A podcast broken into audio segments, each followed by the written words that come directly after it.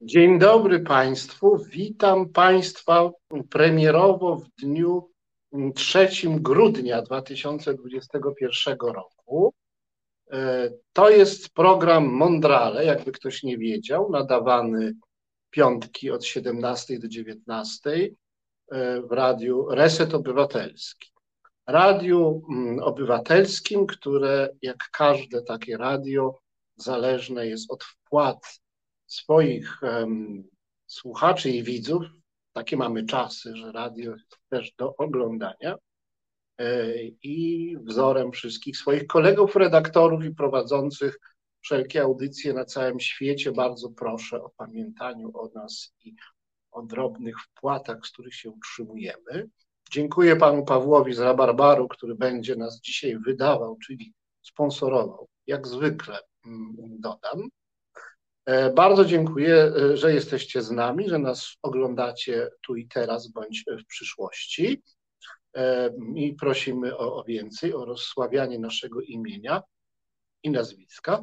I pochwalę się Państwu jeszcze, że czynimy postępy internetowe. Proszę wejść na stronę Resetu Obywatelskiego, a zobaczycie tam no, zalążek portalu politycznego właściwie a za tym portalem kryje się jeszcze porządne studio, które no już jest prawie ukończone e, przy ulicy Andersa w Warszawie.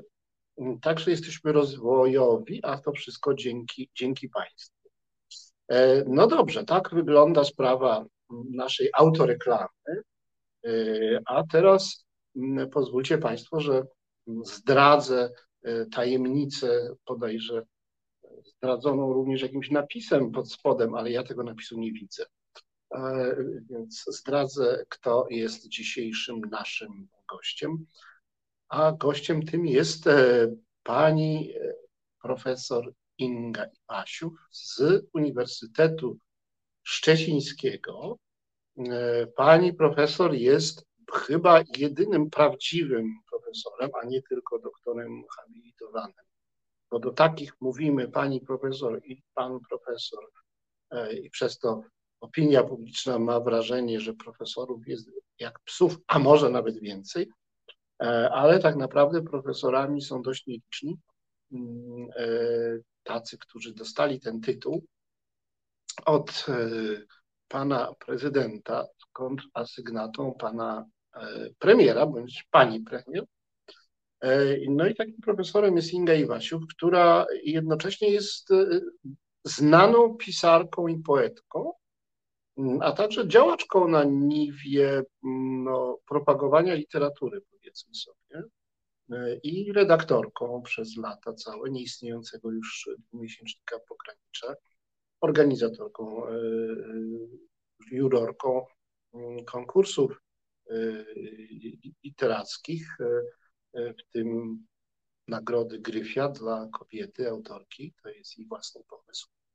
Nie wiem, czy jest jeszcze jakaś druga pani profesor tytularna, która jednocześnie jest zawodową e, pisarką, mm, ale tak jest w tym przypadku. Pani profesor jest literaturoznawczynią, kieruje Zakładem Literatury XX i XXI wieku Instytucie Polonistyki Uniwersytetu Szczecińskiego. To jest takie miasto na pograniczu niemieckim, o którym rzadko myślimy, bo jest ono daleko, jest słabo skomunikowane e, z Warszawą.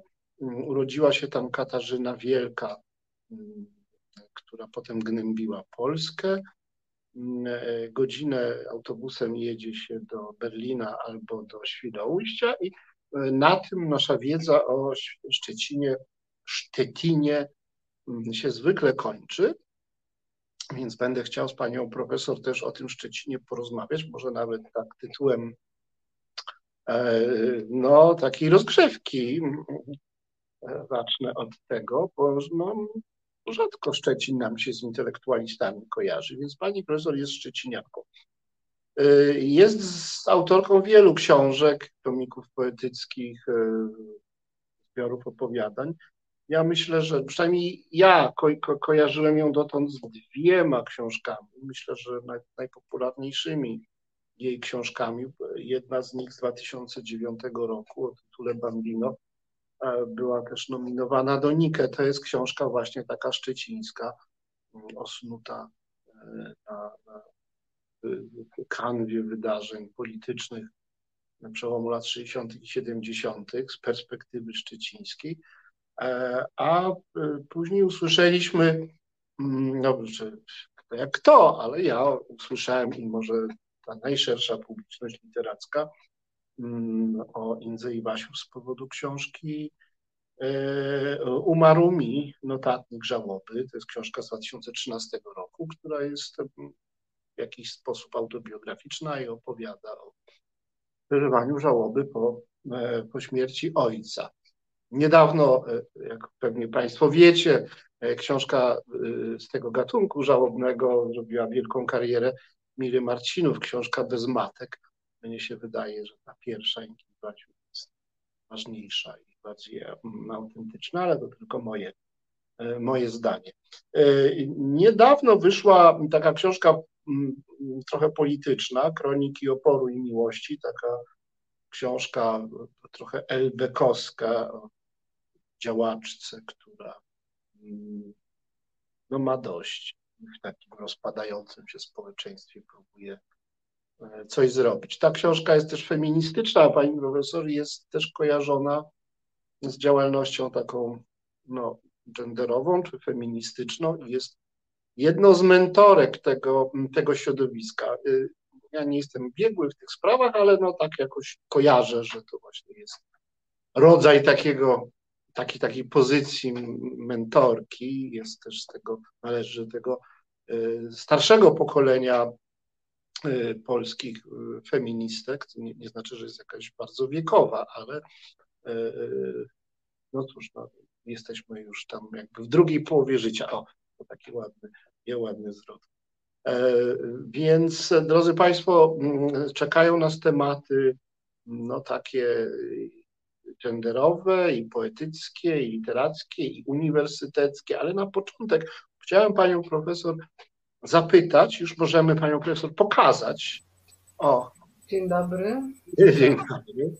Dzień dobry. Jeszcze bardziej zbladłam, y, słuchając tych komplementów pod y, moim adresem. Ależ to jest tylko połowa tych, których miałbym ochotę wypowiedzieć.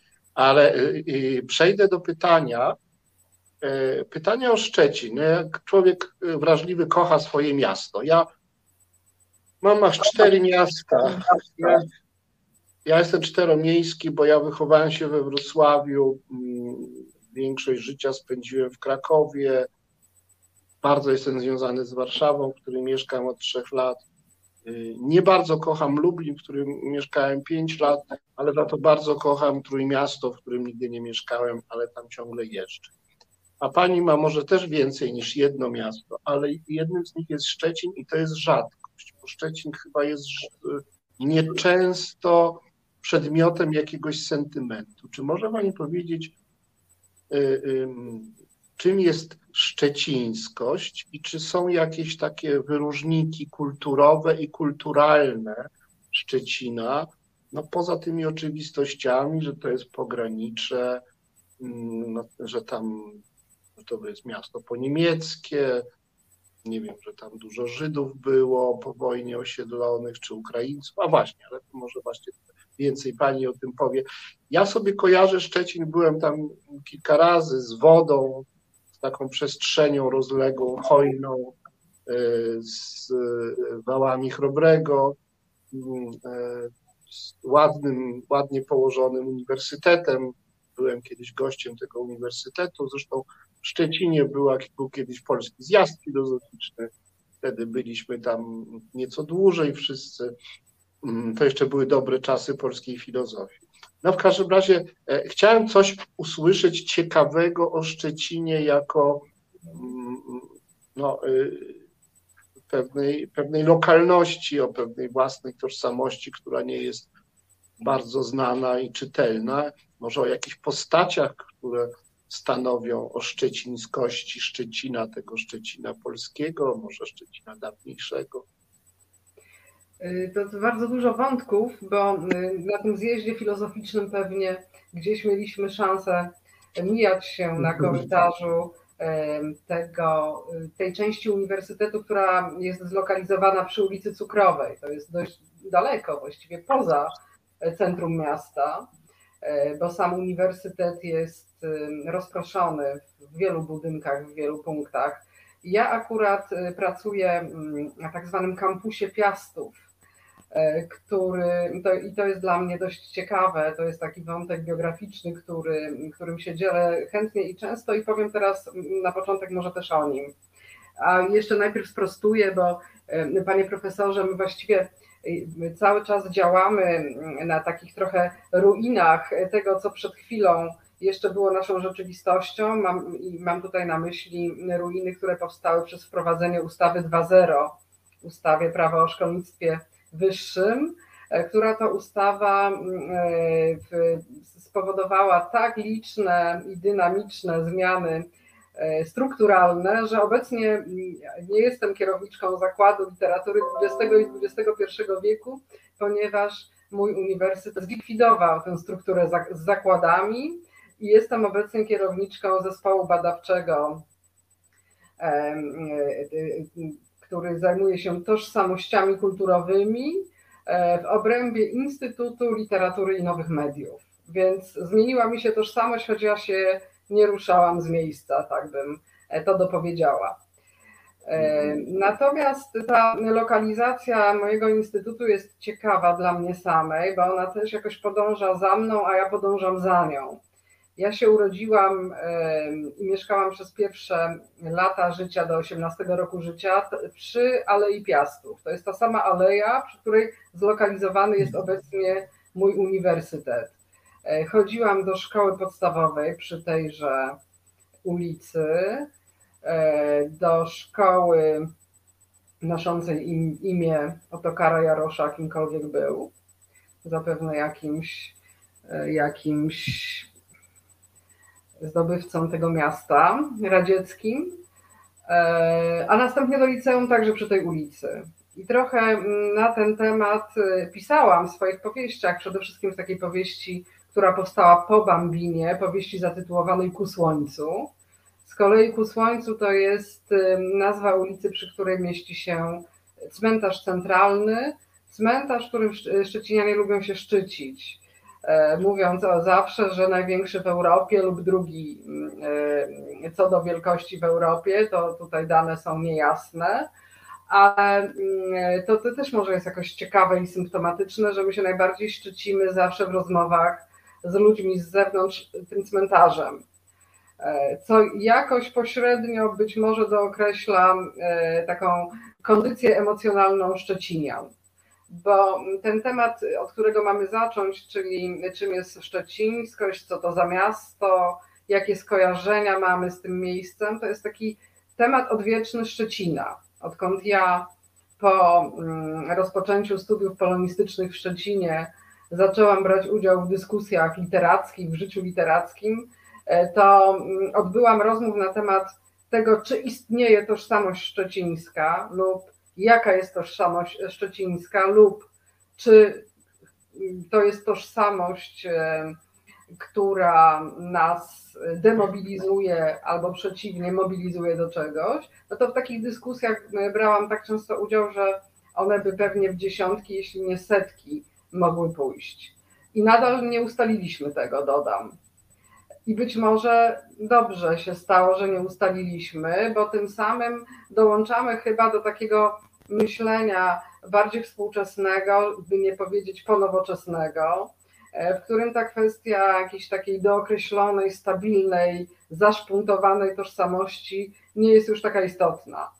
E, choć ja jestem e, chyba przykładem niedobrym na to rozproszenie tożsamości, bo faktycznie tak jak wymieniłam te swoje przygody biograficzne, to powiedzieć można, że całe moje życie toczy się w tym takim e, przy jednej ulicy lub e, w, patrząc szerzej w jednym kwartale czy fyrtlu, jak tutaj czasem mówimy, bo my tu mówimy różnymi e, dialektami polskimi, ponieważ przybyliśmy, nasi rodzice przybyli z różnych stron Polski. moi z Wielkopolski i z Podrówowa, więc też w języku rodzinnym i w tych mieszankach tożsamościowych mam różne sygnały, z których mogę korzystać i z którymi mogę robić co chcę. Tak więc tożsamość szczecińska, ale myślę, że tu pan profesor mówiąc o tych skojarzeniach, że raczej dwie godziny zresztą do, do y, Berlina, y, ale faktycznie blisko. Niektórzy mówią, że można nawet zamknąć oczy y, i się pomylić, gdzie się jest. Czy jest się w dzielnicy Panko, czy jest się w centrum Szczecina. Tak bardzo są do siebie podobne te miejsca. E, więc to nie są skojarzenia, mm, które by nie mogły być jakąś taką e, mapą e, emocjonalno-mentalną tego, gdzie jesteśmy, bo istotnie tak jest. I te także przyrodnicze sygnały, czyli bycie w otoczeniu wody, lasu, bycie w miejscu, które mm, to, to jest szczeciński żart, biorący się E, z fragmentu wiersza Gałczyńskiego, którego e, swobodne przytoczenie brzmiałoby fale Bałtyku uderzają o wały chrobrego. E, więc to skojarzenie, czy też to takie anegdotycznie powtarzane pytanie, którędy na plażę, czy którym tramwajem można dojechać na plażę, to ono nam towarzyszy E, I z kolei e, patrioci lokalni e, mówią, że nie jest to takie nieprawdziwe, ponieważ Zalew Szczeciński właściwie jest już częścią tego akwenu bałtyckiego, łączy się z nim, w związku z tym faktycznie jest nam blisko nad morze. I to wszystko wpływa chyba na, mm, na naszą kondycję tutejszą, bo, bo właśnie z jednej strony tak nam blisko, ale E, ciągle jesteśmy jakoś izolowani, odpychani od, e, z jednej strony od e, centrum Polski, z drugiej strony od tego Berlina właśnie, z trzeciej strony od tego brzegu morskiego, do którego jednak trzeba się trochę pofatygować, żeby dotrzeć. Więc tacy jesteśmy przejściowi, powiedziałabym, w tym mieście. Tacy byliśmy najpierw z zatartą po niemieckością, E, I tę kondycję zacierania przeszłości dzieliliśmy z, no, z wielkim obszarem Polski, właściwie z jedną trzecią terytorium powojennego Polski, e, które miało tę poniemieckość w każdym kamieniu, a zarazem e, miało, miało mm, udział w, w takim bardzo energicznym zacieraniu tego faktu E, później ta poniemieckość stała się właściwie kulturową modą, opisywanie jej, e, podkreślanie, e, czy jakieś takie nawet zdobienie przestrzeni wszystkim, co miałoby dawać te skojarzenia, a także pisanie tekstów, które tego dowodziły. W zasadzie mm, ta, ta moja powieść Bambino, która nominowana była w 2009 roku Donikę, mm, no to była taka powieść, y, y, w której ja się nad tym wszystkim bardzo chciałam zastanawiać. Chciałam to jakoś tak wejść w to i ale już w pewnym y, momencie, bo nie była to pierwsza opowieść o tożsamości niepewnej, o tożsamości, która, tak bym to obrazowo określiła, najpierw zapadła się pod ziemię, potem została, była z tej ziemi energicznie wykopywana, stała się wręcz modna, a która mm, w literaturze miała takich kilka fal. Z jednej strony skutkowała czymś, co nazywaliśmy literaturą małych ojczyzn, później skutkowała lokalnością, w którą wpisywało się z kolei to czasopismo, które było przeze mnie współredagowane, czyli pogranicza. To, to właśnie przekonanie, że to bycie na pograniczu jest y, jakąś, jakąś specjalną kondycją, różniącą się od bycia w centrum. E, oczywiście dzisiaj można by zacząć tę rozmowę od początku i zastanawiać się nad samą metaforą pograniczności i nad tym, czy faktycznie, e, tak jak sądziliśmy kilkanaście lat temu, granice zanikają, znikają, e, są zastępowane przez coś innego. Ale to oczywiście za dużo wątków, Natomiast wracam do tego, że kiedy pisałam Bambino, to właściwie zebrałam w tej powieści swoje myślenie literaturoznawcze, biograficzne o tym, czym jest bycie w takim mieście. Właśnie w takim mieście z przeszłością niemiecką, w mieście, którego mieszkańcy czuli się jakoś odepchnięci, nie, niekochani nawet. Udzieliłam kiedyś Edwinowi Bendykowi takiego wywiadu e, publikowanego w Polityce, e, który, który nosił ten tytuł Niekochani. E, zastanawialiśmy się nad tym, dlaczego Szczecinianie czują się niekochani przez mm, resztę, resztę Polski, bo mit tego, że byliśmy niedoinwestowani, ponieważ nie było wiadomo, czy my na pewno już na zawsze zostaniemy częścią Polski. To jest jeden z miejskich mitów, e, mitów politycznych, ale też takich powtarzanych sobie, mm, e, wywołujących no, i pewne reakcje lękowe, e, a przede wszystkim coś, co można by pewnie mm, kojarzyć z, z lekko depresyjnym nastrojem tego miasta, być może wywoływanym przejściowym klimatem, w którym my tutaj żyjemy pomiędzy klimatem morskim a klimatem kontynentalnym. E, tak więc, e, wracając do, do szczecińskości, no właśnie, e, kiedy w ostatnich już latach zastanawiamy się nad tym, czy mm, pewne rzeczy, które tutaj miały miejsce, czyli właśnie to być może nie inwestowanie w miasto dosyć długo faktycznie, bo tak też było, ale ja je widzę dziś z perspektywy mm, także książek, które się ukazywały w ostatnich latach, głównie pisanych przez historyków i niekoniecznie dotyczących Szczecina, tylko raczej wojny i powojnia, to mm, zaczynam też myśleć, że e, pewnie w każdym miejscu w Polsce na swój sposób opowiada się o e, luce i niedoinwestowaniu powojennym. E, I zawsze to jest taka historia, która jest, która jest relatywizowana wobec historii odbudowy Warszawy. E, ta, to takie przekonanie, że mm, ten plan odbudowy Warszawy musiał skutkować tym, że reszta Polski była zaniedbana, e, to, to jest myśl powtarzana nie tylko w Szczecinie. Czyli y, y, zapewne y, ona dałaby się udowodnić w Elblągu, Trójmieście i w Inowrocławiu wielu innych miejscach, które, teraz nie przychodzą mi do głowy, choć Szczecin miał też takie mity związane z porównywaniem się bezustannym. Z jednej strony do Wrocławia, jako miasta, w którym wylądowali po wojnie kresowi intelektualiści. Z drugiej strony do Trójmiasta, w którym postawiono na szybkie uruchomienie przemysłu stoczniowego.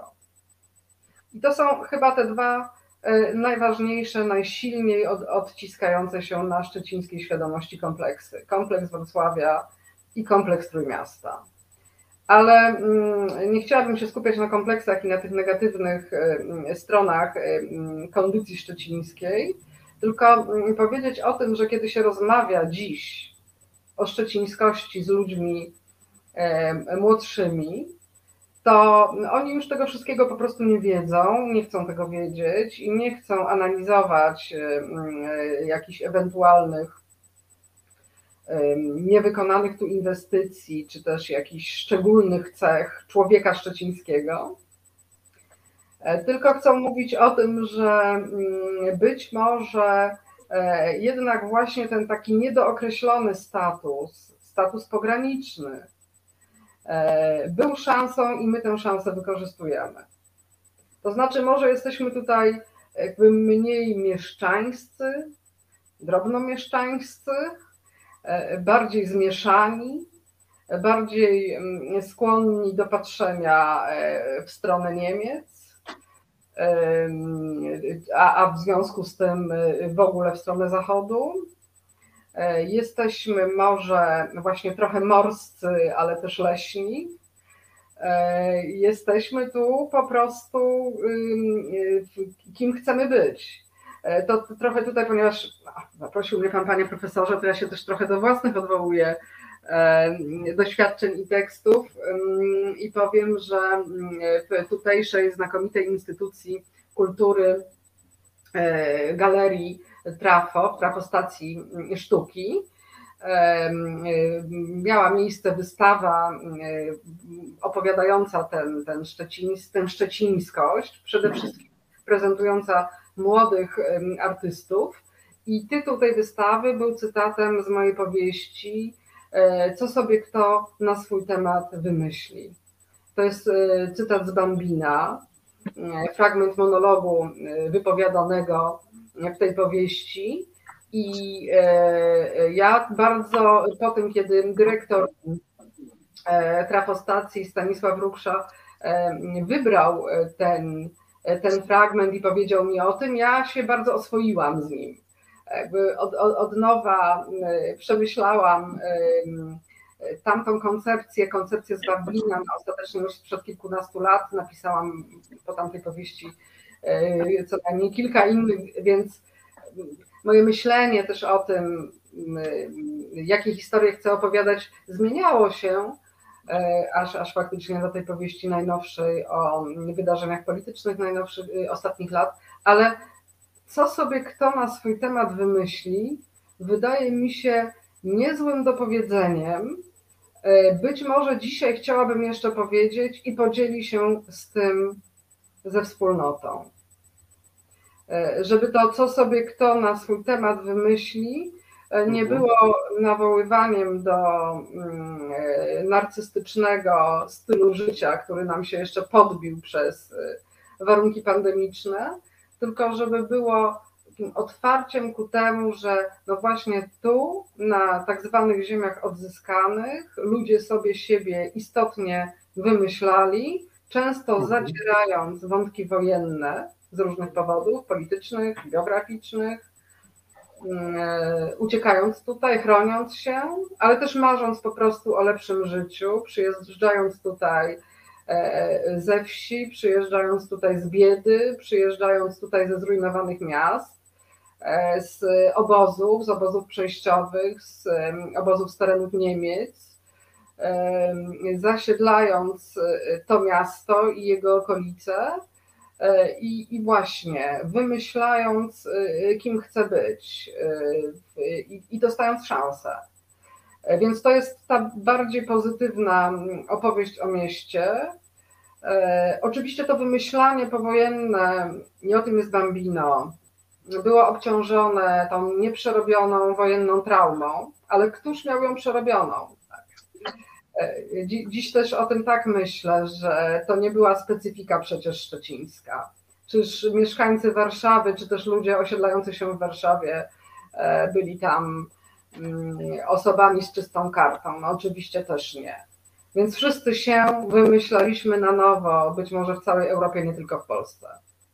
A później mieliśmy kilka takich etapów, szans, kiedy to domyślanie siebie było bardziej jeszcze intensywne. A, a dziś myślę, że tylko muszę teraz zrobić pauzę, oczywiście, bo za długo już mówię, ale myślę, że się znów wymyślamy i domyślamy, i to jest proces, z którego trzeba czerpać. To wszystko razem, co pani mówi, jest bardzo podobne do historii wrocławskiej. E, ja sam mogę powiedzieć, że jestem e, no, homo stetiniensis, bo jestem homo bratislaviensis, a, a to wydaje się prawie to samo, z tą różnicą, że myśmy nie mieli i nie mamy morza, a bliskość Niemiec nie jest aż tak oczywista jak w przypadku E, pali miasta. Ale poza tym wszystko się zgadza. Wydaje mi się, że ten taki demokratyzm szczeciński, o którym pani mówi, podobny jest do tego demokratyzmu czy egalitaryzmu wrocławskiego, gdzie też każdy jest skądś. Jakkolwiek byśmy mieli swoich autochtonów i e, obecność Niemców autochtonów we Wrocławiu w dawniejszych latach trochę rzutowało na atmosferę miasta. Nie wiem, czy w Szczecinie też zostali Niemcy po wojnie? To jest bardzo ciekawe. Zostali, oczywiście było ich e, mało. Ale byli też zatrudniani w tych miejscach, które no, nie mogły funkcjonować bez obecności specjalistów. To była ta największa grupa, e, która się po, po tym masowym przesiedleniu, wysiedleniu e, tu znalazła, no, czyli pracownicy portu, e, medycy czy, czy pracownicy mm, zakładów wcześniejszych, jeszcze wojennych zakładów e, produkujących benzynę syntetyczną w Policach, ale tam też zlokalizowanego portu. No było wiele takich punktów, e, e, czy huta, która się tutaj znajdowała, już obecnie nieistniejąca, to, to były zakłady produkcyjne, które potrzebowały tych specjalistów, inżynierów, robotników. E, oni tutaj faktycznie zostali, ale to jest bardzo ciekawe, panie profesorze. Chcę tu powiedzieć o dwóch sprawach. O tym, że ta, ta, ta nasza e, siostro-braterskość e, wrocławsko-szczecińska bardzo mnie cieszy i chcę to potwierdzić, że w wielu dyskusjach, które, ponieważ lata 90. zwłaszcza, były takim momentem otwarcia dyskusji o mm, specyfice ziem odzyskanych. To, była, to był kolejny mocny, już właśnie nie odpolityczniony etap tej dyskusji, czyli taki nieprzytrzymywany przez mm, cenzurę. I e, ja brałam w wielu takich wspólnych projektach, tak zwanych projektach, bo to słowo się też zaczyna w latach 90. i do dzisiaj trwa i określa naszą działalność, ale właśnie we Wrocławiu, Szczecinie, I to, to faktycznie mm, zawsze rozmawialiśmy o tym, o podobieństwach i różnicach. E, I porównywać też można książki, które powstawały w obu tych e, miejscach i które opisują tę wrocławskość i szczecińskość poprzez poniemieckość, tak mówiąc najogólniej, ale także poprzez to, jak się struktura ludnościowa tam kształtowała po wojnie. Ale jeszcze o tym, o tych e, tak zwanych autochtonach. To jest niesłychanie ciekawe, bo ja w Bambinie uczyniłam jedną z bohaterek Niemkę, która zaciera swoją niemiecką tożsamość po wojnie, zostaje tutaj jako młoda dziewczyna i e, uczy się dość szybko polskiego i w zasadzie nie funkcjonuje jako, jako Niemka, przybiera polskie imię Ula. E, to jest prawdziwa historia. E, to, to chcę przede wszystkim powiedzieć. Taką przyjaciółkę miała moja babcia. E, I dla mnie to, że ona jest Niemką, było zupełnie nie, nieoczywiste, a w zasadzie w ogóle o tym się nie rozmawiało, aż do, jakiej, do jakiejś takiej chwili, w której ta, ta sprawa jej pochodzenia ze względu na jej problemy zdrowotne i potrzebę odnalezienia rodziny stała się tematem rozmów. I, ale nawet nie w tym rzecz, że ja uczyniłam jedną z bohaterek mojej powieści, tą, tą postać autentyczną, trochę ją zresztą skompilowałam, tę postać z inną e, sąsiadki mieszkającej w klinicy, którą opisywałam i która także była Niemką z pochodzenia ale kiedy później miałam spotkania autorskie, bo to jest ciekawsze, nie chodzi o to, że potrzebna mi była do tego takiego kalejdoskopu osób Niemka, tylko o to, że kiedy rozmawiałam e, później na spotkaniach autorskich ze Szczecinianami, ale też z Wrocławianami, e, to właściwie każdy miał mi do opowiedzenia anegdotę o Niemce, Niemców swojej kamienicy. To jest oczywiście statystycznie niemożliwe, żeby każda kamienica miała e, tę swoją postać e, Niemki Niemca. E, to jest rodzaj jakiegoś bardzo wyraźnie potrzebnego psychologicznie mitu, który, który nam więcej mówi o naszych potrzebach, no właśnie takiego opowiadania o tyglu narodowościowym, czy też e, jakiegoś takiego przeczucia tajemnicy w ludziach. W tych e, domach, które, no właśnie, być może tutaj jest jeszcze kwestia tej pozyskiwanej czy, czy odnawianej mieszczańskości, której w wielu osobach tu się osiedlających nie było. Więc być może te stare kamienice, w których mieszkaliśmy, mieszkali nasi przodkowie po wojnie, często w mieszkaniach podzielonych, wydzielonych, takich jakby niszczących ten pierwotny układ, który tam istniał, czyli byliśmy, no, zasiedlaliśmy e, te wspólne mieszkania, które takimi przecież nie były przed wojną, to, to tam jakoś jakieś rodziły się te tajemnice i opowieści tak, o kimś, kto, kto, kto mieszkał i kto, mm, e, kto ukrywał być może tą swoją niemieckość. Jakaś tajemnicza postać e, pojawia się. Bardzo to jest ciekawe, że y, ta niemieckość funkcjonuje mm, w e, takiej formie afirmatywnego mitu i że ten autochton jest postacią pozytywną i pożądaną. Mm, e, we Wrocławiu tak chyba nie jest. On trochę straszy ten autochton i jakby jest jakaś taka śladowa chyba wina zbiorowa wobec tych Niemców, których jakoś tam krzywdzono. E, pamięta się Szaber, e, pamięta się prześladowania tych Niemców zaraz po wojnie. E, więc u nas takiego mitu nie ma, ale Niemcy byli bardzo realni. Ja sam miałem piastunkę pod koniec lat 60., autochtonkę, Niemkę. Ci Niemcy byli, ale Wrocław, chociaż też oczywiście obawiano się, a trochę ludzie mieli też nadzieję, że przyjdą Niemcy i nas sobie zabiorą. To było takie trochę ambiwalentne. E, ten Wrocław jednak miał jakieś ślady polskości z czasów e, e, no, staropolskich. Trochę wierzyło się, że to jest w jakiejś głębokiej warstwie archeologicznej polskie miasto. Znaczy ten motyw propagandowy ziem odzyskanych w przypadku Wrocławia miał jakieś tam podstawy. Czego nie można powiedzieć o Szczecinie, który jest po prostu miastem czysto niemieckim. No i Wrocław jest oddalony od granicy trochę, więc ta polonizacja przebiegała chyba sprawniej.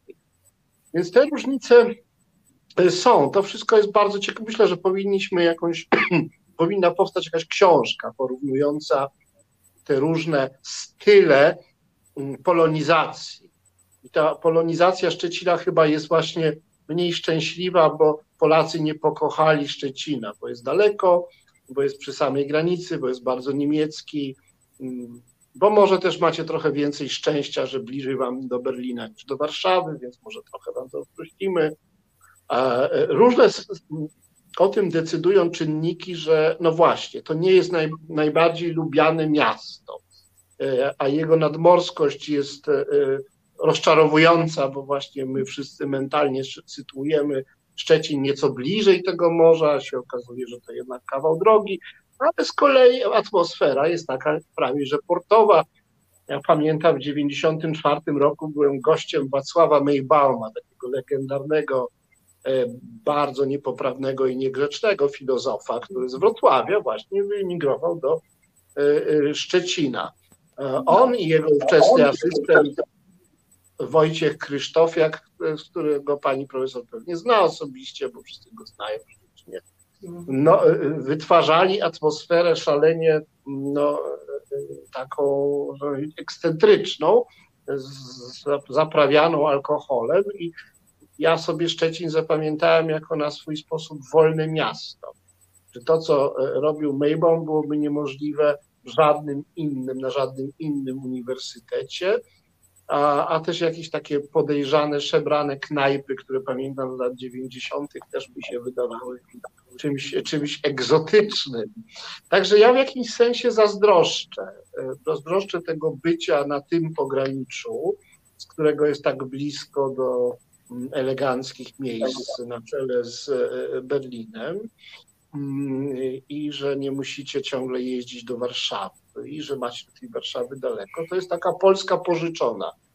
E, ja trochę tego zazdroszczę. E, tyle, no zazdroszczę. Ale chciałem zapytać bardziej ogólnie. Pani jest specjalistką od tożsamości, od takiego dyskursu lokalnego, tożsamościowego, dyskursu pamięci autobiograficznego. Nawet przeczytałem, że jest Pani prezeską Polskiego Towarzystwa Autobiograficznego, co bardzo mnie ciekawi, co to właściwie znaczy, co to towarzystwo autobiograficzne, kogo ono zrzesza, czy badaczy autobiografii, czy twórców autobiografii. E, y, więc chciałem zapytać bardziej ogólnie. Czy sądzi Pani, że tożsamość jest zawsze literacko zapośredniczona? Czy to jest tak, że ludzie są tym, kim są e, i wcale o tym nie myślą, i to są ci spontaniczni, naturalni, bezpośredni nosiciele tożsamości. I są ci drudzy właśnie wystudiowani, zapośredniczeni, refleksyjni, skonstruowani, no, którzy, czy za których mówią autorzy, powiedzmy sobie, tekstów literackich o charakterze tożsamościowym, sentymentalnym, biograficznym, autobiograficznym, w każdym razie lokalnym, lokalno-tożsamościowym. No i czy to nie jest tak, że jeżeli jest ta, ta, ta, ta grupa tych, no, powiedzmy sobie, inteligenckich e, tożsamościowców, którzy jakoś tam trochę żerują literacko i emocjonalnie na tych rdzennych autochtonach, którzy nie, umią, nie umieją się wypowiedzieć literacko, to e, e, ci literaci to żyją w takiej, mm, można powiedzieć, no, no właśnie, w takiej e, dziwnej figurze pasożytnictwa, pasożytowania, bo z jednej strony chcą oddać sprawiedliwość tym niemym autochtonom, a z drugiej strony jakoś wyciągają z nich soki, jakoś projektują na nich, czy e, tak trochę przemocą taką literacką e, te swoje fensys, te swoje projekty, wyobrażenia tożsamościowe, że e, no, wytwarza się taki mit autentyczności, że jest autentyczność ta niema, bezpośrednia i ta druga autentyczność dobrej literatury tożsamościowej, która podrabia autentyczność. Ja, czy, czy, czy, nie, czy nie jest tak, że literatura tożsamościowa y, skażona jest no, pewną zasadniczą wadą, takim fałszywym poszukiwaniem naturalności, autentyczności, a każde zapośredniczenie nie utrwala tożsamości, lecz właśnie ją w jakiś sposób fałszuje, bo zapośrednicza. Czyli pytam o to dialektykę tożsamości, naturalności i skonstruowania. To, to jest tak zasadnicze pytanie, że nie potrafię na nim odpowiedzieć, choć na nie odpowiedzieć, choć faktycznie od lat się zajmuję y, tymi zagadnieniami.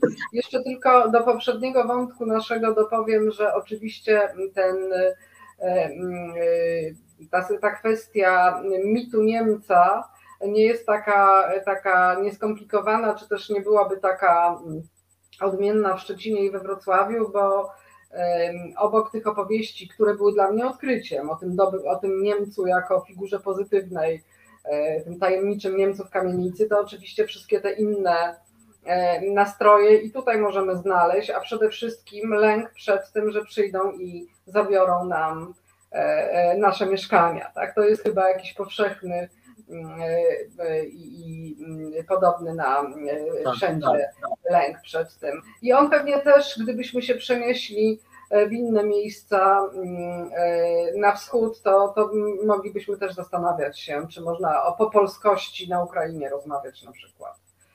Wiemy Za... o tym mniej, prawda? To, rozmawiamy czasem o pożydowskości, o poniemieckości, ale na przykład prawie nigdy po, po, pols o, po polskości, bo musielibyśmy dopuścić opowieść z drugiej strony.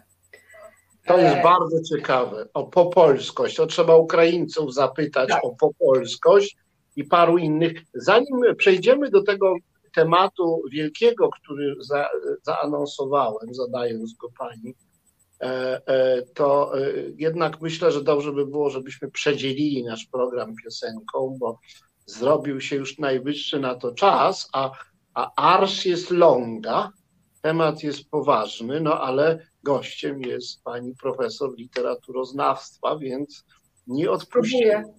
Piosenka jakieś pięć minut i wracamy do filozofii literatury tożsamościowej.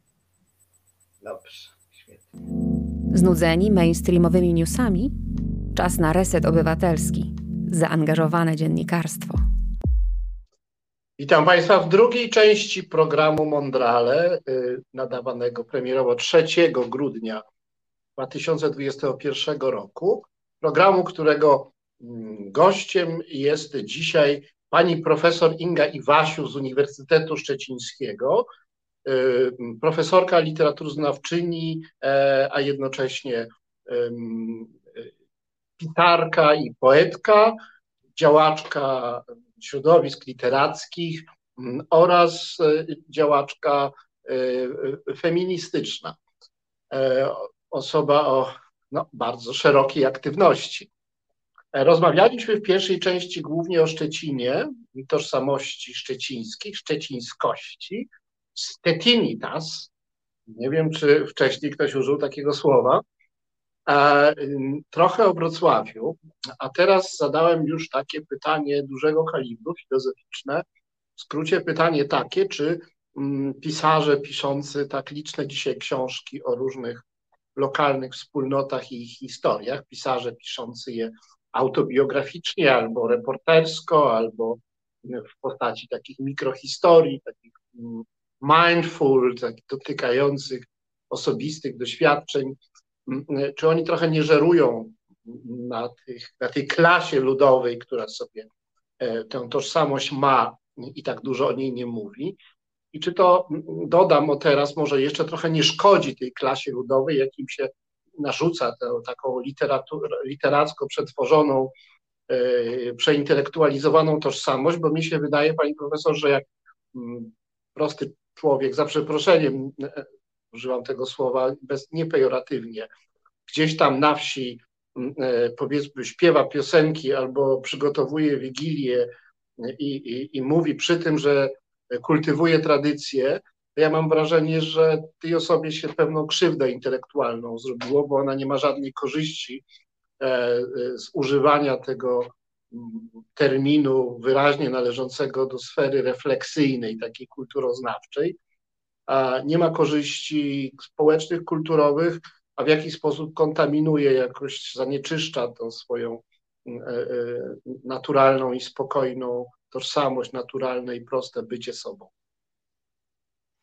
E, tak, ja założyłam słuchawki, co zdradzam w drugiej części. Nie wiem, czy to poprawia nam transmisję. E, jeśli będą jakieś e, trzaski i zgrzyty, to proszę o sygnał. E, to bardzo trudne pytanie, ale też jakoś należące oczywiście do tych zasadniczych pytań, którymi ja się zajmuję ponieważ to po pierwsze trzeba by mm, zapytać o to, na jakim stoimy stanowisku. Jeśli na konstruktywistycznym, no to właściwie odpowiedź jest prosta, ale nie możemy na niej poprzestać, bo odpowiedź była taka, że każda tożsamość jest konstruowana e, w, w tych narracjach, e, które proponujemy i nie ma y, tu właściwie wyjścia. Jesteśmy w takich klatkach tych narracji czy komórkach, y, które mm, możemy tylko rozbudowywać, podawać dalej, natomiast no, nie przedostaniemy się e, nigdy do tego, co E, stanowiłoby ich podstawę. No to jest też trochę dekonstruktywistyczne, ale konstruktywistyczne. No jednym słowem, e, chcąc być pisarką, e, nie mogę, mm, nie mogę przyjąć takiego założenia, a jednocześnie koniecznie muszę je przyjąć, ponieważ przecież w tym geście konstruowania no jest wnoszenie czegoś do tego wspólnego pojemnika rezerwuaru tożsamościowych opowieści. No jednym słowem, faktycznie, gdybym ja nie wymyśliła, gdybyśmy nie wymyślali, czym mm. jest szczecińskość, albo gdybyśmy nie ukuli słowa poniemieckość, e, to mm, po prostu pe pewnych rzeczy byśmy nie wiedzieli, gdyby one nie zostały mm, e, językowo, symbolicznie, metaforycznie dookreślone. Problem jest, pojawia się wówczas, kiedy te tożsamości e, zaczynają być ciasne i zaczynają być szantażujące. Ale to chyba jest inny temat i, i może jeszcze do niego dojdziemy, e, choć, choć nie wiem, czy tak, e, tak nasza rozmowa będzie przebiegać. Natomiast to pytanie, które teraz Pan odniósł do klasy ludowej i do tych opowieści, które się pojawiają i pojawia się ich coraz więcej, to ono mi bardziej przypomina pytania, które się pojawiały w humanistyce w kontekście postkolonializmu czyli i feminizmu, którym ja się zajmowałam, zajmuję nadal. To są pytania o to, czy można mówić w imieniu podmiotu. E, czy też, i to była pewna utopijna idea, trzeba oddać głos niedoreprezentowanym, słabo reprezentowanym podmiotom. Czyli w feminizmie rzecz była mm, e, stosunkowo prosta, ponieważ oznaczała oddanie głosu kobietom. Ale mm, cały ten gest rozszczelnienia jakiejś tej zbitki tożsamościowej, powiedzmy polsko-katolickiej tożsamości, no, polegałby na tym, że zaczynamy wpuszczać y, w te, w, te, w te narracyjne żarna wszystkie te tożsamości, o których wiemy, że one wcześniej nie zostały dość dobrze wypowiedziane. Tylko kto wypowiada teraz te tożsamości? No jednym słowem, jak opowiedzieć niepiśmiennych, którzy nie zostawili nam e, e, żadnych śladów, y, które byłyby e, śladami do, do przejęcia przez kulturę piśmienną. Jak opowiedzieć historię bez archiwów? A wiemy, że archiwa podlegają e, także tej zasadzie mm, selekcji, pieczy, przekazywania, która mm, odpowiada pewnym danym e, określonych wspólnot e, czyli no właśnie archiwa chłopskie nie z takim pietyzmem i szacunkiem byłyby przechowywane jak archiwa inteligenckie, a już zwłaszcza archiwa pisarskie. E, im bardziej zbliżamy się do idei tego, mm, e, jak mhm. ważne jest e, jest kolekcjonowanie śladów piśmiennych, no, tym, tym bardziej, tym więcej mamy tych śladów. Jednym słowem, idea utopijna, iż wypowiedzieć ma się w swoim imieniu podmiot, czy też mamy oddać głos podmiotom niedoprezentowanym, niedoreprezentowanym, jest o tyle nierealna, nie może się w pełni ziścić, że mm, ten, kto nie dysponuje dostępem do tych środków, którymi się wypowiadamy, no nie wypowie się w naszym świecie kulturowym. W związku z tym trzeba znaleźć takie sposoby, a zwłaszcza wówczas, kiedy y, rozmawiamy o fikcji literackiej, to jest możliwe, czy o sztuce, y, to jest to możliwe, więc musimy znaleźć jakieś sposoby, które zachowałyby integralność tych podmiotów, byłyby, w, byłyby reprezentowane w relacji szacunku, tak ją nazwę, i e, nie prowadziłyby do zniszczenia mm, tego, co istotne mm, w tych, e, w tych podmiotowościach, na których nam wstępnie zależy, czy deklarujemy, że nam najbardziej zależy. I oczywiście to jest zadanie literatury postkolonialnej, które, które jest wielkim zadaniem i nie zawsze dobrze wypełnianym. Jednym słowem, kiedy deklarujemy, że chcemy oddać głos, no to ten głos yy, musimy być przygotowani na to, że dostaniemy coś innego niż to, czego się z góry spodziewamy. Yy, I ja wobec tego też zawsze z, z pewnym, z, z ostrożnością podchodzę do wszelkich takich yy, opowieści, które bym nazwała mm, w skrócie cepeliowskimi opowieściami, czyli takie, które się jakoś egzotyzują te, te podmioty wcześniej nieobecne. Ta, mm, ta strategia właśnie takiego, tej naturalności, do której dążymy, oczywiście rozbija się o ten fakt, o którym powiedziałam na początku. No, jeśli w ogóle chcemy się skomunikować, no to mamy jakiś y, skończony repertuar, ale musimy się otwierać na to, że że być może właśnie ten nasz skończony y, repertuar y, będzie się rozszczelniał, rozszczelniał i rozszczelniał, aż dojdziemy do innych jakichś wyglądów rzeczy. Myślę, że niesłychanie ciekawe jest to, jak obecnie poprzez wprowadzenie, mm, to widać zwłaszcza w dyskusjach z młodszym pokoleniem, wprowadzenie mm, tego dyskursu feministycznego, a zwłaszcza dyskursu niebinarności, wiele takich naszych przekonań, na których opieraliśmy kulturę, po prostu y, w, zawiesza się. Zawiesza się na, tej, na tych nowych pojęciach.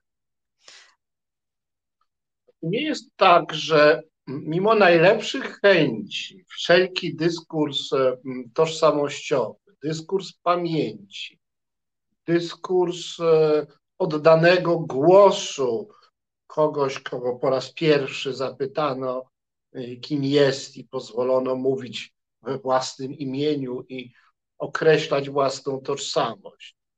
Dyskurs pokrzywdzonego, na przykład e, mieszkańca rdzennego terenów skolonizowanych. E, dyskurs feministyczny, w którym pewne kobiety biorą na siebie rolę liderek wspólnoty, którą tworzy płeć to nie jest zawsze trochę narcystyczny, chcąc, nie chcąc. Czy te wszystkie grupy, którym daje się głos, bądź e, mówi się w ich imieniu jako literacki rzecznik czy rzeczniczka, czy one nie są trochę a priori przeafirmowane? E, czy dyskurs tożsamościowy, dyskurs pamięci dyskurs emancypacyjny, bo one są chyba ze sobą splecione w taki jeden warkocz kulturowy i literacki, czy one e, e, nie są w sporze z prawdą? Ze względu na słuszne intencje moralne, czy ten dyskurs troisty, e, pamięć, emancypacja, tożsamość, no, nie, nie zdradza prawdy z miłością własną czy nie zdradza prawdy, ale musielibyśmy zdefiniować prawdę. E, to y, ja się nie, nie czuję na siłach, tak, żeby, żeby takiej definicji próbować, to raczej rola filozofa. Ja, jako stojąca po stronie narracji i fikcji, no nie mam jakiegoś takiego y, mocnego przywiązania do pojęcia prawdy. Ja raczej mm, mówię o reprezentacji, a reprezentacja jest lokalna. Y, reprezentacja mm, jest raczej właśnie takimi cząstkowymi, y, zdecentrowanymi bytami. I no, jej prawdziwość czy nieprawdziwość y, może być konfrontowana wyłącznie no właśnie z takimi pojedynczymi wiązkami opowieści. Więc y, ja się zresztą nie bałabym, gdyby przyjąć, że nie definiujemy tej prawdy, tak? że jakoś zakładamy, że ona tam gdzieś jest, jest jakimś jakimś, jakimś konsensusem, to, to co, czym jest prawda, e, to ja bym się nie bała tego, co, co pan profesor nazwał przeafirmowaniem, czy nawet przeszacowaniem jakichś grup. E, stałabym tutaj na stronie, po stronie tego zysku moralnego, który możemy zyskać. e, który, który, który możemy osiągnąć. No, nie, nie, nie czuję, że istnieje jakaś taka prawda, bo, która, która by mnie wiązała e, w tych, tych moich usiłowaniach opowiadania, które miałoby być y, rodzajem wyrównania E, jakichś krzywd doznanych przez grupy dotąd mhm. mniej afirmowane. Więc ja nie mam z tym kłopotu. To znaczy, rozumiem, jaka jest intencja tego pytania, mm, e, ale, ale jednocześnie odpowiadam tutaj e, no przede wszystkim we własnym imieniu.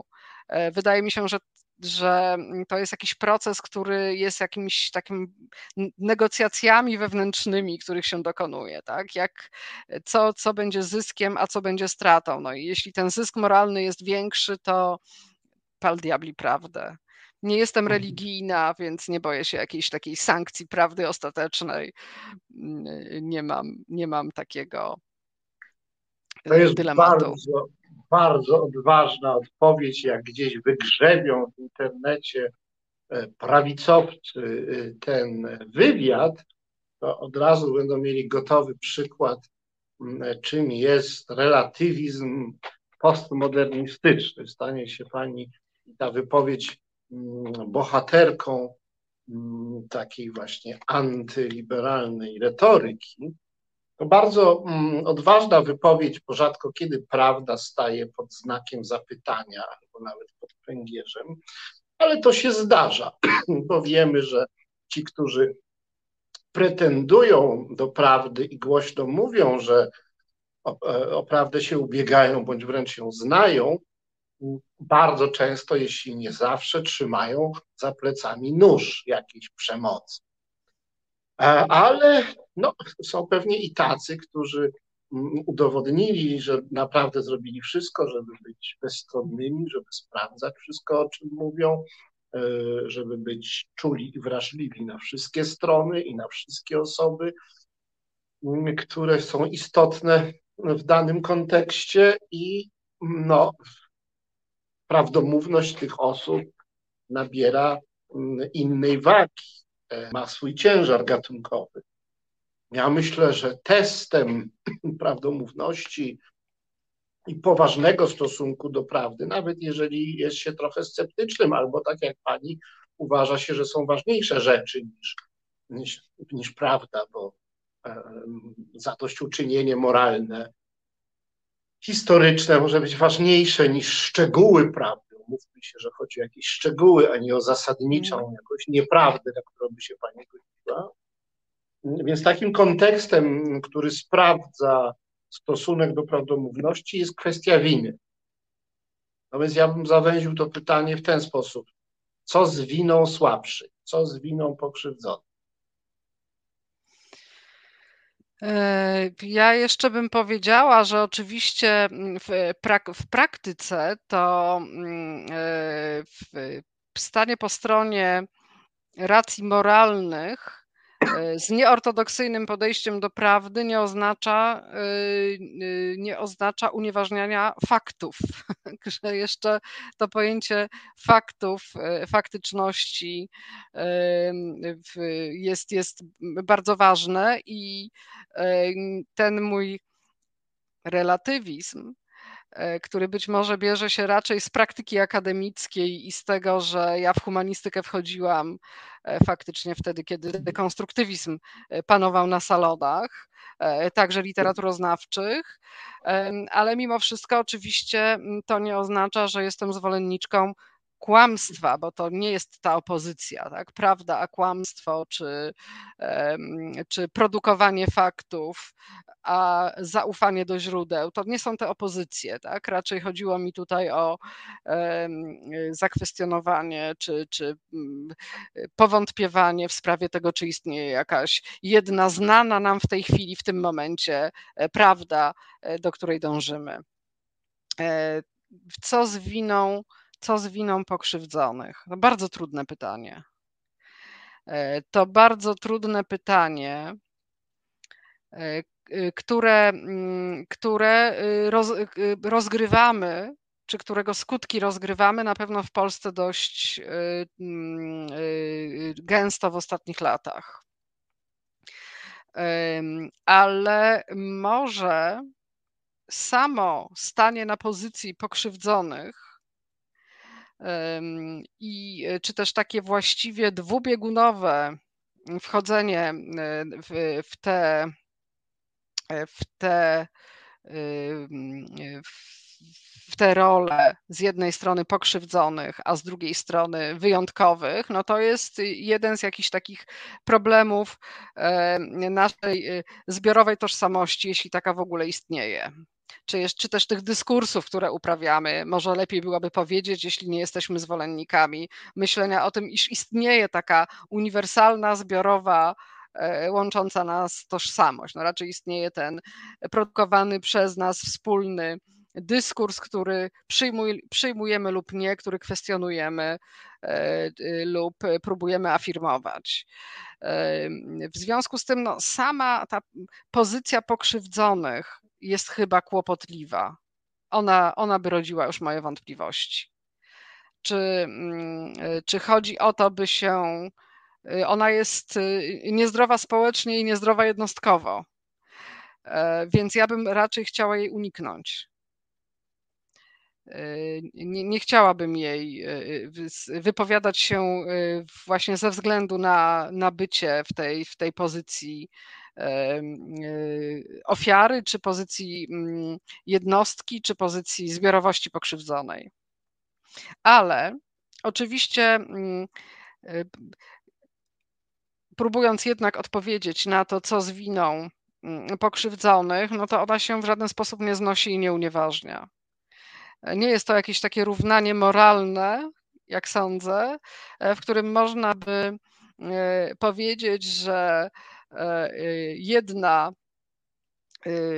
na jakiej, że istnieje jakaś skala, na której jedna krzywda, bycie pokrzywdzonym czy bycie ofiarą, daje rozgrzeszenie, to cywilne rozgrzeszenie, społeczne rozgrzeszenie z bycia z kolei, z kolei źródłem przemocy czy sprawcą przemocy. No e, mhm. Wydaje się, że oczyszczającą e, i potrzebną opowieścią jest opowieść, która no właśnie niestety e, nie jest, nie jest jednoznaczna i próbuje jednocześnie zobaczyć te wszystkie możliwe role, w które wchodzimy. Chciałbym ostatnią część naszej rozmowy po piosence, która za kilka minut e, wejdzie, poświęcić e, e, sprawom akademickim kondycji intelektualisty, profesora, profesorki, ale jeszcze dopytując, jak ma się kwestia, na jakim etapie jest emancypacja kobiet? Czy to jest tak, że no tutaj mamy niewątpliwie do czynienia z jakąś taką historyczną i arcymasową e, krzywdą, jednak no, e, e, opresja, której poddawane były i są kobiety, nierówność jest czymś niezaprzeczalnym. I, I właściwie tutaj akurat nawet nie bardzo jest ten kontekst winy w ogóle chyba nie występuje, bo to nie są waśnie międzyetniczne, e, ani spory międzypaństwowe. Mm, to jest jednoznaczne poddaństwo jednej płci drugiej płci. I to w takich wymiarach transhistorycznych i globalnych. No ale proces emancypacji jest spektakularny i moje pytanie w związku z tym jest takie, czy na Zachodzie, do którego jakoś tam jeszcze należymy, ja już pomijam tam Afrykę, kraje muzułmańskie, ale na Zachodzie przynajmniej.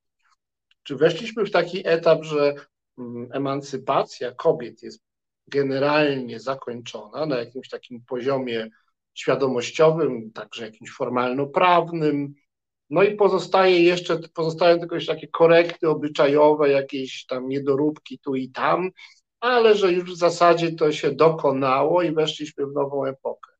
Czy też e, uważa Pani, że to jest złudzenie, że tak naprawdę w jakichś głębszych warstwach mm, e, cały czas występuje zasadnicza nierówność płci e, i mm, no, jest, nadal jesteśmy w epoce mm, walki o emancypację kobiet?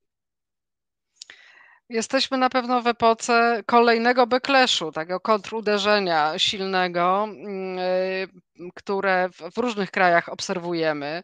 W Polsce to jest hmm. bardzo silne e, uderzenie w prawa kobiet, e, ale zarazem jest wobec tego takie przyspieszenie świadomości tego, że mm, nie, nie wszystkie prawa są istotnie E, istotnie takie same, e, oraz tego wszystkiego, jakie są konsekwencje każdej nierówności. Wydaje mi się, że z tym im mocniejszy nacisk w tej chwili konserwatywny, e, tym mocniej odpowiada świadomość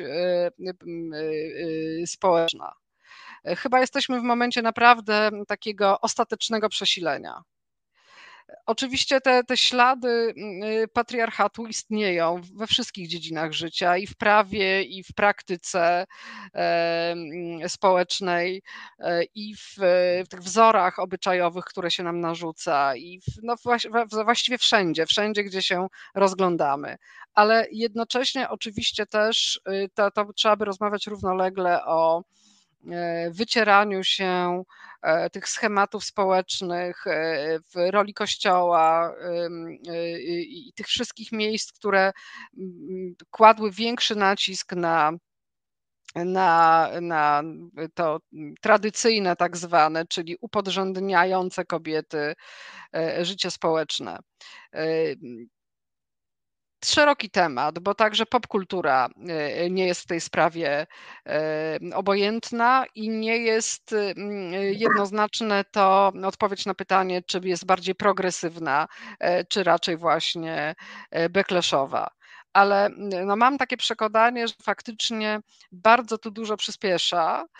I to kontakt z, z najmłodszymi też mi to pokazuje że mm, e, istotnie coś się zmieniło, coś, coś bardzo zasadniczo zmieniło się w myśleniu o tym, e, jaka jest relacja między kobietami i mężczyznami. Ale jak jest na Zachodzie, Pani zdaniem? E, myślę, że podobnie. Myślę, że podobnie to potwierdzają no, nie tylko jakieś ogólne obserwacje, ale też rozmowy na przykład, bo w zasadzie kilkanaście lat temu czy dwadzieścia lat temu w, Pols w Polsce feministki sądziły, że poprzez pewne analogie z tym, co stało się na Zachodzie, my jakby dołączymy tak, do, do światowej rewolucji feministycznej. E, natomiast okazało się, że tam gdzie indziej też ta rewolucja spowalnia. No, w końcu to pojęcie backlashu ukute przez Susan Faludi y, dotyczy tego, co działo się w Stanach Zjednoczonych wskutek tej silniejszej obecności kobiet. E, ale te backlashowe nastroje mm, także w XXI wieku i, i w ostatniej dekadzie e, można, można obserwować e, w, i w krajach europejskich, i, i, i w Ameryce.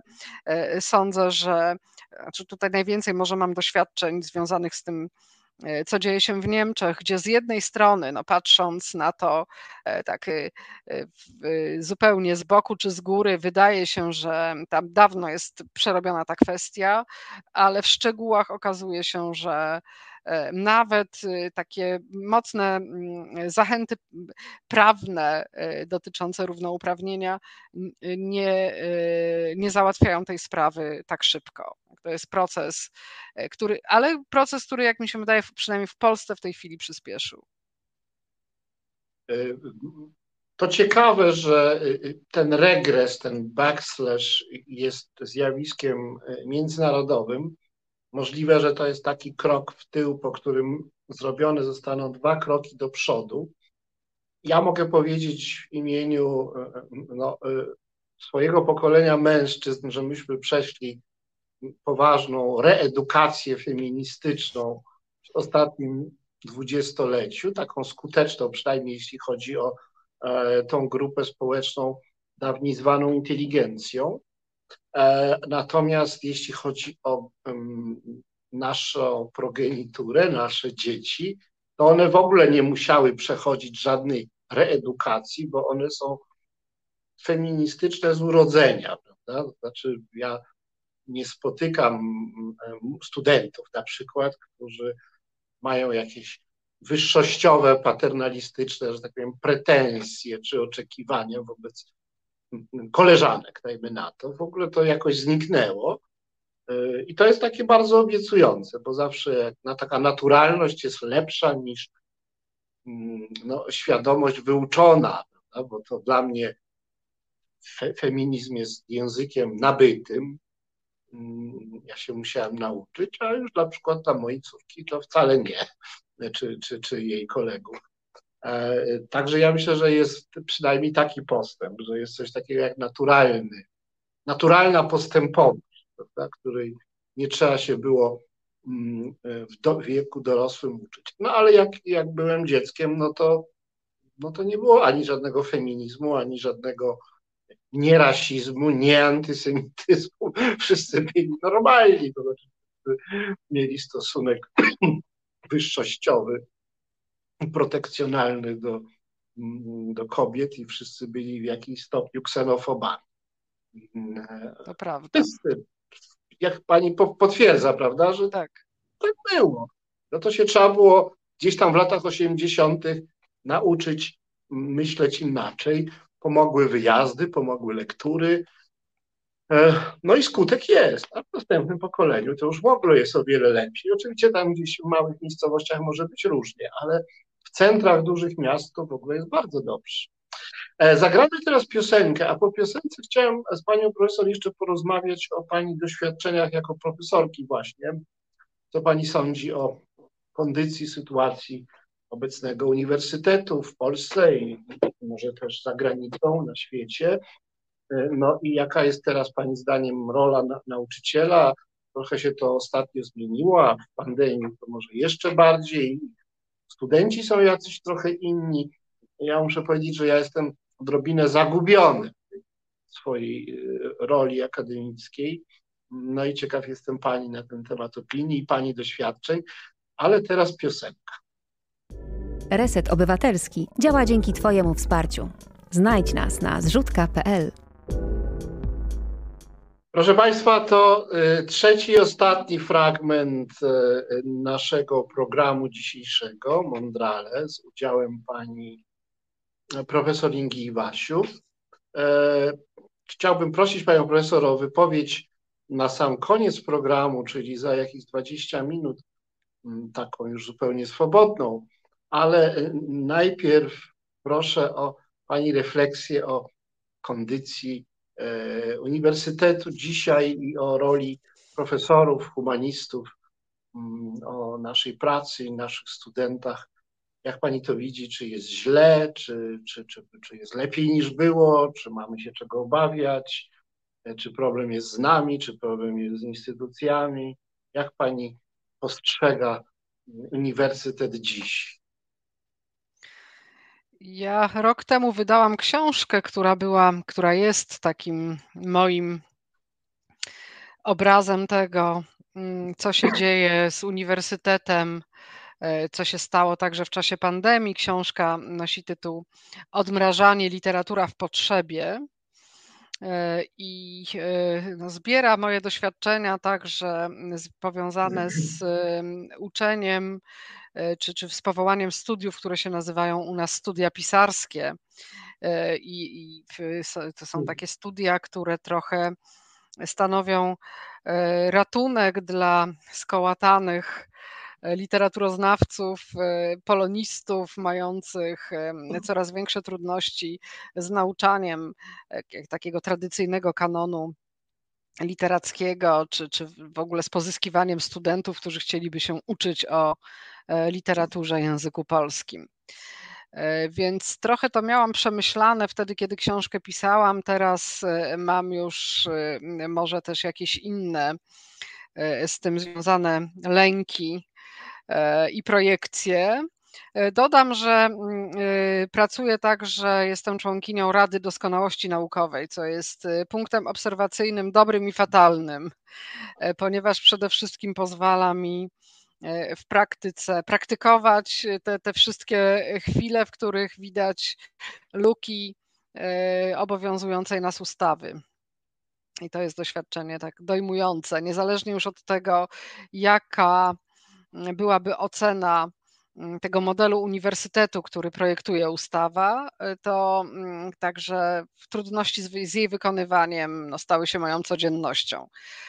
A, mm, ale może jednak zdanie o tym, co nam projektuje ustawa i w jakiej jesteśmy rzeczywistości, w którym jesteśmy momencie. No, jesteśmy w takim uniwersytecie, który mm, trochę na gruzach tego starego, tradycyjnego uniwersytetu zapragnął e, stworzyć uniwersytet neoliberalny w zasadzie co do e, pewnych e, założeń, a, mm, a jednocześnie próbuje go kontrolować politycznie schodząc już z kursu tego neoliberalnego ku konserwatywnemu.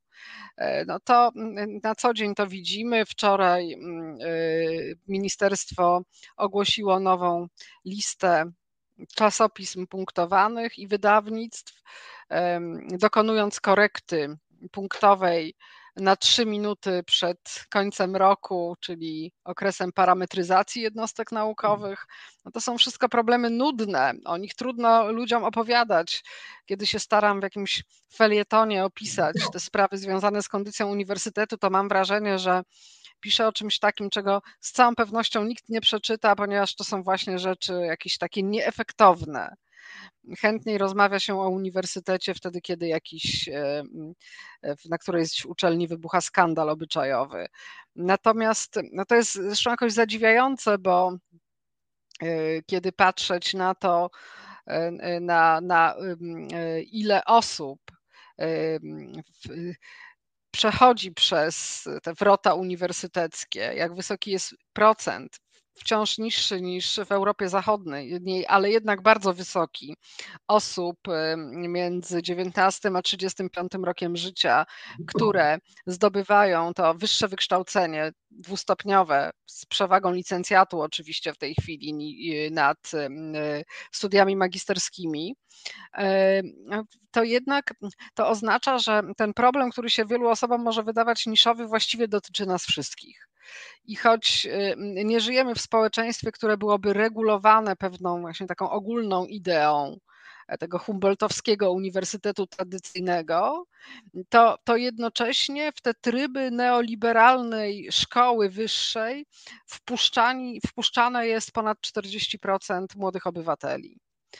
E, I, I ci te 40% rozchodzi się później po kraju, można sobie tak to wyobrazić, i gdzieś w tych miejscach, w których się znajduje, no, realizuje pewne mm, założenia, które są przecież nie tylko konkretnymi y, umiejętnościami, czy taką skrzynką narzędziową do obsługi y, gospodarki, y, ale też są z pewnymi spo, dyrektywami czy, czy podpowiedziami dotyczącymi sposobów działania we wspólnocie.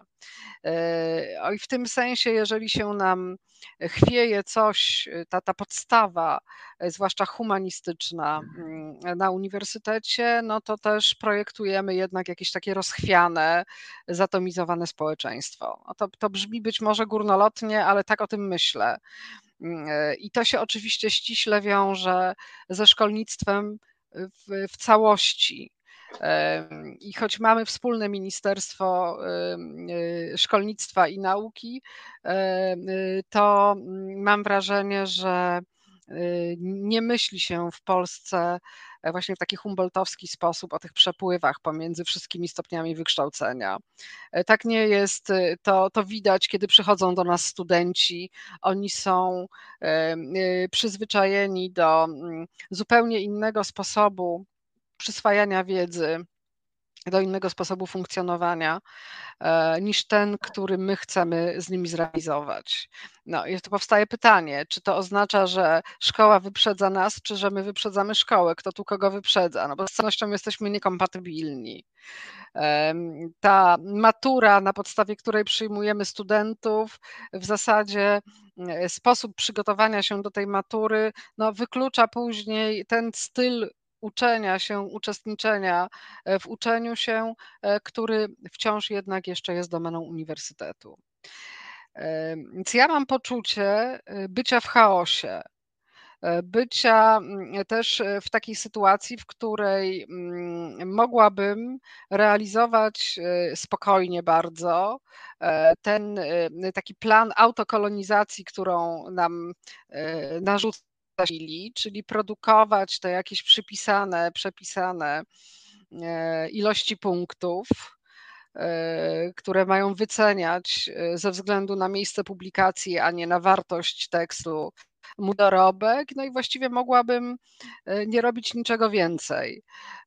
A w zasadzie nawet mam wrażenie, że my dzisiaj zniechęcamy młodych adeptów, badaczy badaczki, którzy przychodzą do nas, do tego modelu, który sami kultywujemy, czy kultywowaliśmy jeszcze do niedawna, czyli no, po co pisać literacko, po co pisać eseistycznie, po co być publicystą, e, po co być y, organizatorką życia kulturalnego. E, to wszystko, po co brać udział w dyskusjach, no po co my tu rozmawiamy. To są wszystko te staroświeckie e, funkcje, które pełniliśmy mm, i pełnimy nadal, e, ale które w żaden sposób nie są dziś oczekiwane, premiowane, wyceniane w naszych uniwersytetach. W związku z tym, no, czy to oznacza, że te formy mm, komunikacji mają zanikać? E, czy to jest ten nasz cel, że jeśli my nie chcemy do tego e, zniechęcać no, poprzez e, to, że wyznaczamy innego rodzaju skupienie, tak? jak właśnie takie, które będzie dążyło wyłącznie do tych wysokopunktowanych publikacji w języku angielskim, to, mm, to czy to oznacza, że faktycznie niepotrzebna nam już jest ta miękka i, i społecznie nośna humanistyka. Mm, ja mam ten dylemat.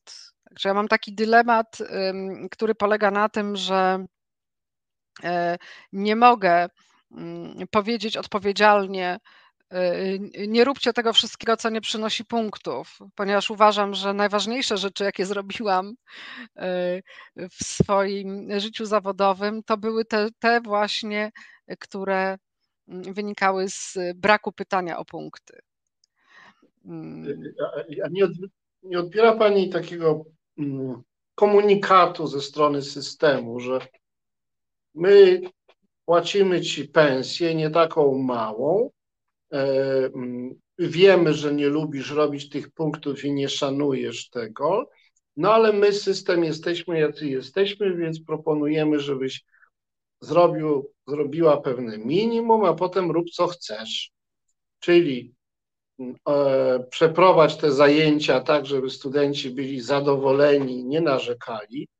Nie wymagaj za wiele od nich ani od siebie, bo nie będziemy mieli dobrego naboru w następnym roku. Napisz jeden czy dwa artykuły punktowane w roku no i dzięki temu, że nie za wiele od ciebie wymagamy, no to masz mnóstwo czasu, żeby sobie pisać te niepunktowane czy nisko punktowane rzeczy, mm, występować e, w mediach, robić publicystykę, a nawet jak już koniecznie chcesz, możesz sobie chodzić na, na demonstracje. E, ja mam wrażenie, że z e, takimi aktywnymi humanistami, autorami książek, i ludźmi, powiedzmy, pełniącymi pewne publiczne role intelektualne, taki niepisany kontrakt się zawiera i on jest, no tak oportunistycznie na to patrząc, no nie taki zły, bo rzeczywiście mhm. mniej więcej wystarczy jedną trzecią czasu pracy poświęcić temu uniwersytetowi, a poza tym masz wolne, a pensja jest. Ale z drugiej strony to jest takie no bardzo jakieś poniżające, bo, bo, bo to jest nieuczciwe. No. Chciałbym, żeby uniwersytet cenił mnie za to, co robię, a nie mm, za to, co na jego życzenie robię y, bardzo, że tak powiem, minimalistyczny sposób.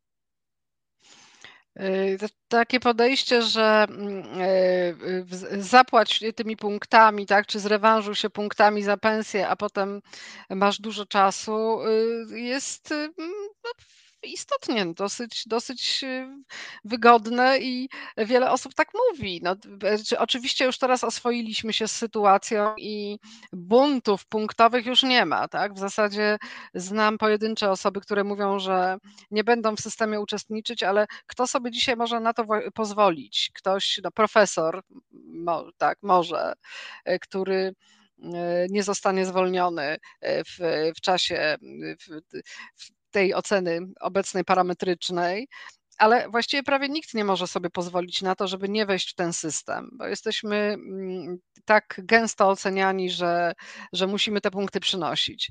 Ale mm, ja jeszcze myślę, że do całości tego obrazu brakuje takiej opowieści o tym, że my też robimy. Nie wszyscy jednakowo, nie na każdym uniwersytecie e, w równym stopniu, ale jednak wiele z nas jest zaangażowanych e, w, w produkowanie tej całej administracji, która, która mm, no właśnie nie wiadomo dlaczego tak urosła do takich gargantuicznych rozmiarów.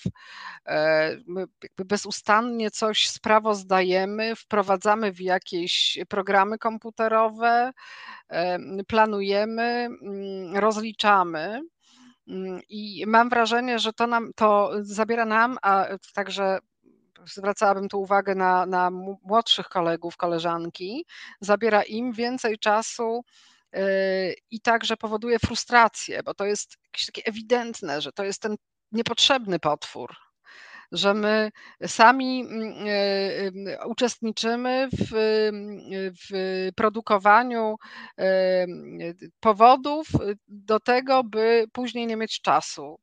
No to jest ta praca bez sensu na poziomie mm, uniwersyteckim. W związku z tym ja mam wrażenie, że to nawet nie jest nasz problem pana czy mój, bo my sobie poradzimy faktycznie w taki sposób, że tę daninę spłacimy, a potem robimy to, do czego jesteśmy przyzwyczajeni. E, natomiast to jest problem tego, co się stanie za 10-20 lat z tym uniwersytetem, z tymi pragmatycznymi młodymi ludźmi, którzy po pierwsze tego potwora muszą karmić, administracji, a, a po drugie muszą, e, no muszą też w, w szkołach doktorskich obecnie składać tak, granty, e, o których wiedzą, że ich nie dostaną, co też jest jakoś demoralizujące, co i frustrujące i demoralizujące. Ale muszą się starać, muszą to wszystko robić, muszą się sprawozdawać bezustannie e, i później dostarczyć punkty. Ja nie wiem, czy oni będą mieli czas na to, żeby go jeszcze trochę potrwonić, bo mm, namysł jest trwonieniem czasu. Namysł nie jest bezpośrednio produktywny. Nie wiem, czy mm, tak wiele osób jeszcze będzie chciało e, mm, e, robić takie rzeczy. Y, one nie są oczywiście dokładnym odzwierciedleniem tego, co robiłam na przykład ja ze swoimi kolegami, e, koleżankami, kiedy zakładaliśmy pismo kulturalne. Oczywiście nie namawiam dzisiaj, żeby młodzi zakładali pisma kulturalne, jesteśmy w innej epoce i mają inne formy aktywności, e, które są tego ekwiwalentem, ale czy w ogóle będziemy robić takie rzeczy, takie rzeczy, które są nieprzeliczalne na punkty, czy też e, po prostu to zniknie, ta forma życia akademickiego czy, czy intelektualnego zniknie, e, ponieważ no, organy zbędne odpadają, to jest prawo ewolucji. Więc byłabym dla Dlatego y, sądzę, że konieczny jest opór wobec tej grantozo-punktozy, która, która tak nas osacza. Mm, ja się że... trochę boję, że przejdziemy, nasi następcy przejdą w większym stopniu na garnuszek wydawców, bo teraz są na garnuszku bardziej jak e, uniwersytetów, a wydawcy będą od nich wymagać, mm, owszem, humanistycznych książek, jak najbardziej, tylko takich mm, bez przypisów może zbyt licznych. E, I, i, i to też będzie złe, bo, bo to będzie przeciwdziałać mm, erudycji, takiej będzie psuć warsztat. Mm, e, na, na razie jesteśmy, siemy dwie matki, każdy ma e, jaki, jakąś uczelnię, jakiś swój wydział, i, i każdy ma jakiegoś tam swojego wydawcę. E, I, I, uczelnia nie wymaga tego, co byśmy chcieli, żeby od nas wymagała, i wydawcy tak nie do końca chcą nas takimi, jakimi jesteśmy. Mhm. Tacy jesteśmy trochę bezprizorni, ale właśnie no, podzielam tę pani obawę, że jako, że nikt nas nie chce takimi, jakimi jesteśmy i nikt nas tak do końca nie rozumie, no to nie możemy w nieskończoność być sobą. E, to taką refleksją od siebie chciałem zakończyć. E, mm, ale teraz daje pani profesor no, taką zupełną swobodę wypowiedzi na, na koniec programu, tak urbi et orbi. No to, to jest za, za szczodre. Nie wiem teraz, co najbardziej chciałabym powiedzieć. Może to, że mm, jakoś ja, nawiązując jeszcze do tego wątku akademickiego, że ja to powtarzam.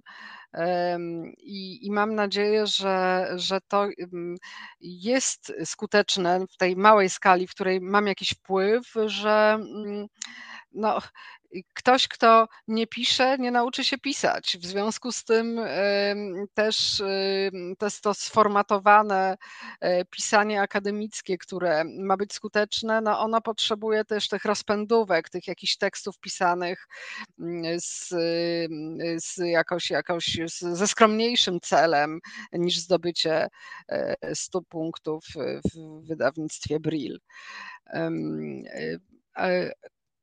Tak, a cóż jeszcze chciałabym y, bym powiedzieć? Y, to, to jest wątek, który y, dziś, dziś też o nim myślałam, że są też takie miejsca, gdzie trochę możemy być nieefektywni, nieefektywne w tej przestrzeni uniwersyteckiej, e, bo mm, ta kwestia tego, jak my jesteśmy oceniani, jak się z tym czujemy i co, jak sobie z tym radzimy, jest dla mnie mm, coraz bardziej dojmująca, także dlatego, że z wiekiem e, mam coraz mniej siły na to, żeby robić coś na przekór, czy też właśnie w takiej z pozycji oporu.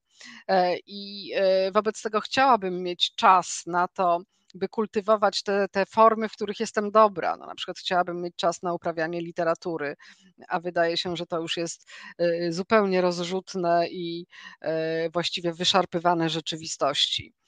Y, natomiast są takie miejsca, mm, które, które wydają się obiecujące. To znaczy, obserwuję też i to, że po pandemii, czy w trakcie pandemii, teraz po lockdownach, jakoś lepiej się rozmawia ze studentami że ten element takiego mm, wspólnego namysłu nad życiem, nad naszą sytuacją, e, który ja bez trudu mogę wprowadzać e, właśnie w toku tych e, studiów pisarskich, które, które tutaj stały się w ostatnich latach naszym takim oczkiem w głowie, to, mm, to właśnie, że możemy się dzielić także afektami.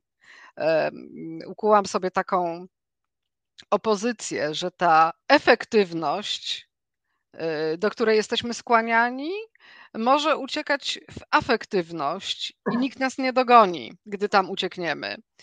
E, to ponieważ do efektywności przyzwyczajeni są także nasi studenci, oceniani punktowo, tak, testowo, punktowo e, jako maturzyści. I także później my mamy sprawozdać to, jakie osiągnęliśmy efekty kształcenia w kontakcie z nimi. No więc ja e, te efekty y, chętnie zamieniam na afekty rozmowy o tym, co nam się wszystkim przydarzyło. I to mi się wydaje jakąś szansą, otwarciem, żeby bardzo dużo rozmawiać o tym, co się dzieje teraz. E, taki był cel, kiedy pisałam tę książkę Odmrażanie, i taki był cel, kiedy pisałam Umarł mi. Taki był cel, kiedy pisałam swoją ostatnią powieść Kroniki Oporu i Miłości. Takie e, oto przesłanie, że na, w tym miejscu, w którym się znajdujemy, no możemy praktykować e, w namysł i opowiadanie o tym namyśle. Możemy po prostu praktykować to wszystko, co w innych, w innych sytuacjach musiałoby być tylko konstrukcją teoretyczną. No to jest taka nasza praktyka teoretyczna, do której wszystkich namawiam. E, czy ona też mm, jest jakimś sposobem na pozbycie się depresji, e, na którą chyba systemowo obecnie cierpimy, tej depresji społecznej? E, to jest też osobne pojęcie istotne. Ona nie dotyczy nas jako jednostek, tylko dotyczy nas jako zbiorowości i z całą pewnością pandemia taki stan w nas wywołała.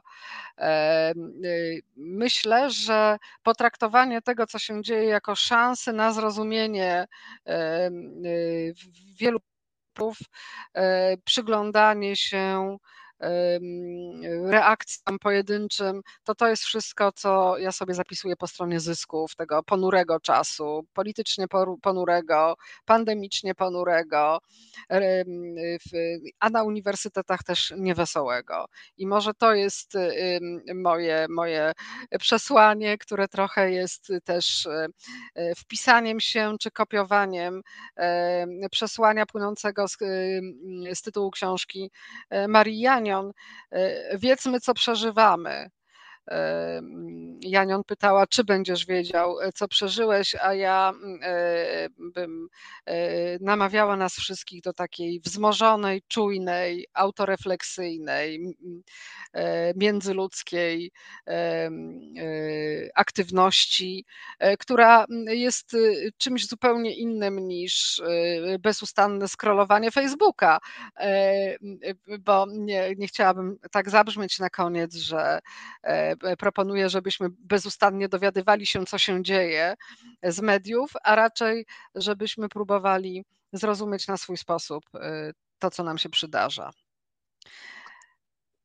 Drodzy Państwo, to było ważne i mądre przesłanie e, na koniec naszego dzisiejszego spotkania z panią profesor Ingą Iwasiu z Uniwersytetu Szczecińskiego.